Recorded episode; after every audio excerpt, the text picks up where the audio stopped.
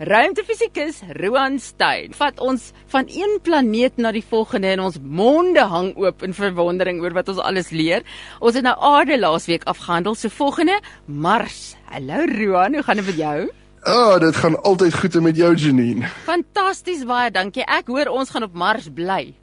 Wel, daai daai is vir my so bietjie te dik vir 'n dollar. Ek Fiksie. moet sê en ons gaan ons gaan nou daaroor gesels. Nou Ja, so ons ons beweeg nou al hoe verder weg van die son af in ons reeks waar ons na elke individuele planeet kyk en en soos jy genoem het, vandag gesels ons oor die vierde planeet van die son af en dit is natuurlik die planeet Mars.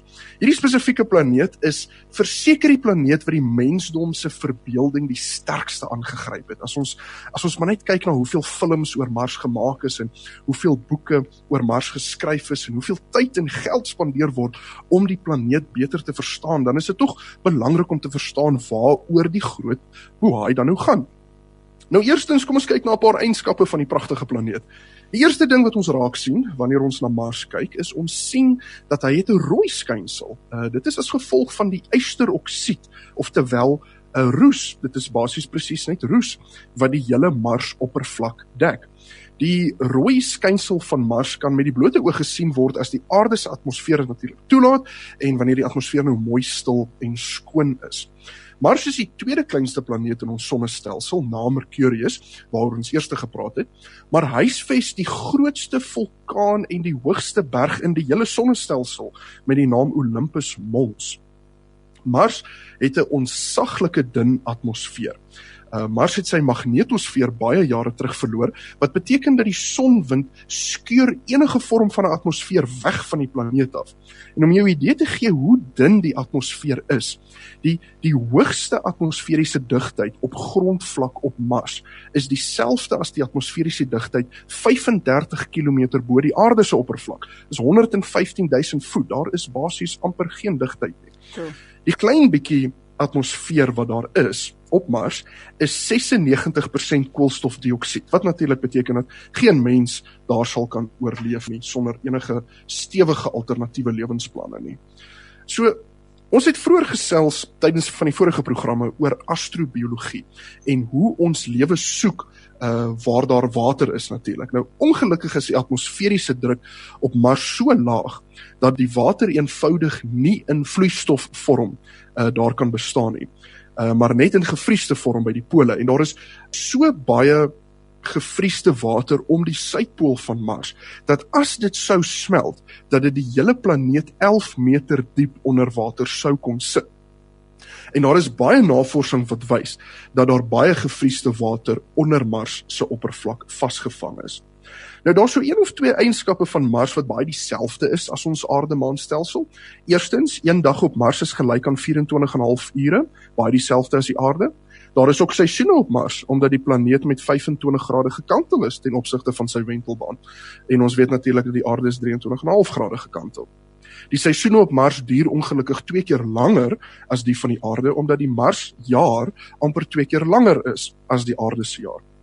En ons sien baie impakkrators uh op Mars se oppervlak, uh soos wat ons op ons eie maan sien. En impakkrators is 'n baie goeie indikasie van die ouderdom van 'n planeet.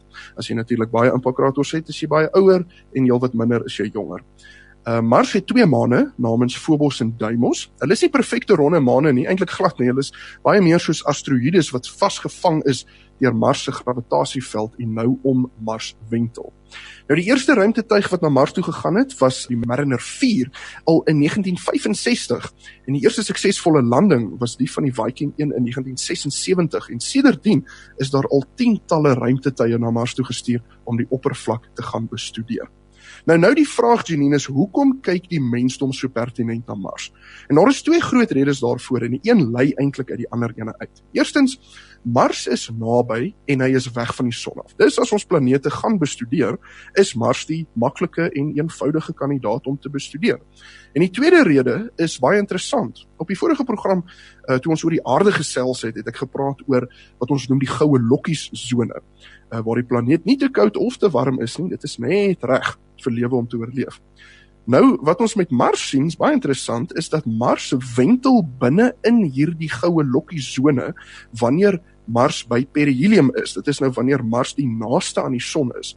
En dit beteken dat daar is 'n deel van die Marsjaar wat hy binne die woonbare sone is en dit maak Mars die onderwerp van soveel navorsers se tyd want dit is die beste en naaste kandidaat waar ons moontlik lewe kan bevestig as daar lewe sou wees. Nou Suid-Afrika het ook so 'n bietjie Mars geskiedenis. Die die Boyden sterrewag in Bloemfontein het 'n baie groot rol gespeel in die historiese navorsing van Mars. Uh daar was 'n astronoom met die naam William Pickering wat met 'n 13 duim teleskoop die eerste foto's van Mars geneem het in 1888. En so 'n vinnige trotse Suid-Afrikaanse Mars geskiedenisfeit wat ek daar ingooi.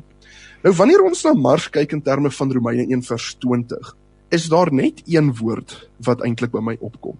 En dit is stilte. Nie 'n geluid nie. Mars is doodstil. Daar gaan niks aan op Mars nie.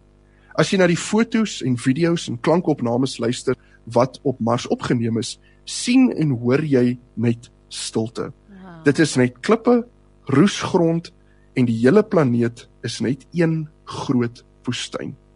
En altyd as ek na fotos van Mars se oppervlak kyk, dan word hierdie groot gevoel van eensaamheid wakker in my.